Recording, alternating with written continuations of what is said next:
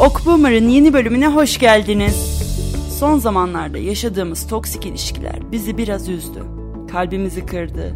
Sanki yüreğimizin heyecanla attığı o adımlara ket vurdu. Kendimizi güçsüz, özgüvensiz hissetmeye başladık.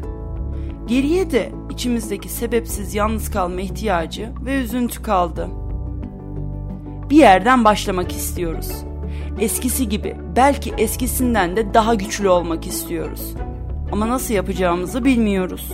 Merak etmeyin, belki evrenin işleyiş sırrını verip hayatlarınızı değiştirmeyeceğim ama bu verdiğim taktiklerle çok daha iyi bir noktaya geleceğinize söz verebilirim. 1.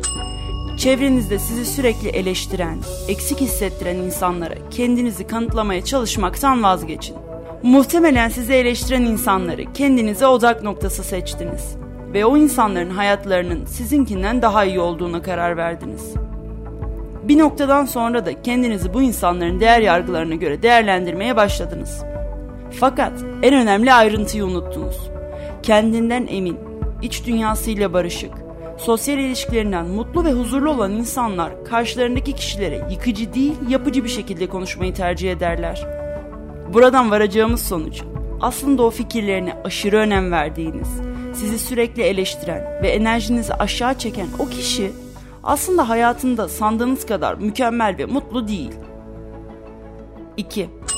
İnsanı ilk çağlardan beri motive eden, kendini güçlü hissettiren en temel güdüsü başarıdır. Tıpkı ilk insanın ormanda geyiği avladığında veya ateşi bulduğunda hissettiği gibi. Tabi biz geyik avlamayacağız. Ama kendimize belirlediğimiz küçük hedefleri elde ederek bu hissi yaşayacağız neredeyse aylardır her gün dilinizde olan o spora başlamam gerekiyor cümlesini eyleme geçirmek ve evde açacağınız bir spor videosu hareketlerini yapmak bile size o hissi mutlaka yaşatacaktır. İlk iki adımı attık. Değişimin gücü özgüveni de beraberinde getirmeye başladı. Ama içinizden bir ses tamam bu kadar yeter daha fazlasını yapamazsın sen diyor. İşte bu noktada konuşan içgüdüleriniz değil bilinçaltınız bilinçaltı konfor alanı dışına çıkmayı sevmez. Çünkü çizilen her yeni yol onun için bir risktir. Siz de onu dinleyip tamam bu kadar yeter elimden geleni yaptım. Demek ki ben güçlü veya özgüvenli olamayacağım deyip bıraktınız. Geçmiş olsun. Tekrar başladığımız noktaya geri döndük.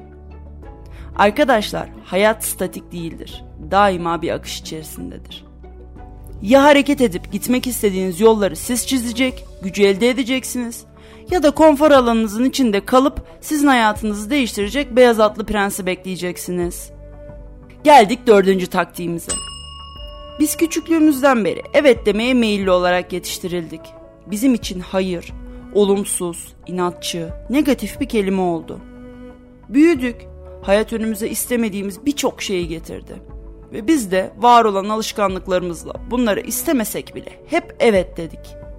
Günün sonunda yastığa başımızı koyduğumuzda kim olduğumuzu, ne istediğimizi ve en önemlisi neyi istemediğimizi unuttuk. Güçlü ve özgüvenli insanların en temel özellikleri kendi sınırlarını aşan, onların hayat tarzlarına uygun gelmeyen ve temel prensipleriyle çatışan şeylere hayır diyebilmeleridir. Beni sakın yanlış anlamayın. Ben size uygun gelmeyen bir fikir önünüze sunulduğunda gergin bir ses tonuyla hayır deyin veya agresyon gösterin demiyorum. O noktada yapmanız gereken size sunulan duruma kibarca olumsuz yanıtı verdikten sonra kısaca niçin hayır dediğinizi açıklamanız yeterli olacaktır. 5. Kendinize daima korkularım olmasaydı, özgüvenli olsaydım, ne yapmak isterdim sorusunu sorun. Böylelikle korkularınızın sizi nelerden alıkoyduğunu anlar ve bunların üzerine gidebilme şansınız olur. Korkularınızın üstüne ilk zamanlar gidemeseniz bile iç dünyanızdaki bu yüzleşme biraz da olsa sizi özgür kılacak ve güçlendirecektir. Geldik son taktiğimize. Hata yapmaktan korkmayın. Sosyal medyanın da hayatımıza etkisiyle hepimiz mükemmel kavramına odaklandık. Yaptığımız en küçük hatanın bile bizi güçsüz veya özgüvensiz kılacağına inandık. Arkadaşlar inanın bana size kocaman gelen o hatayı belki çevrenizdeki diğer insanlar fark etmedi bile. Ki etseler bile yaptığınız hataları kimse aklında tutmuyor ya da tutmaya çalışmıyor. Yani kimse sizin hata defterinizi tutmuyor aslında. Mesela kendimden örnek vereyim. Ben önceden bir hata yaptığımda ya da yanlış bir şey yaptığımda, yanlış bir şey söylediğimde hemen paniklerdim. Ay ne yapacağım? Bana bir şey mi diyecekler? Ne yapacağım? Rezil oldum. Sonra aradan birkaç zaman geçti. Özgüvenim üzerine biraz çalıştım. Sonra şeyi fark ettim.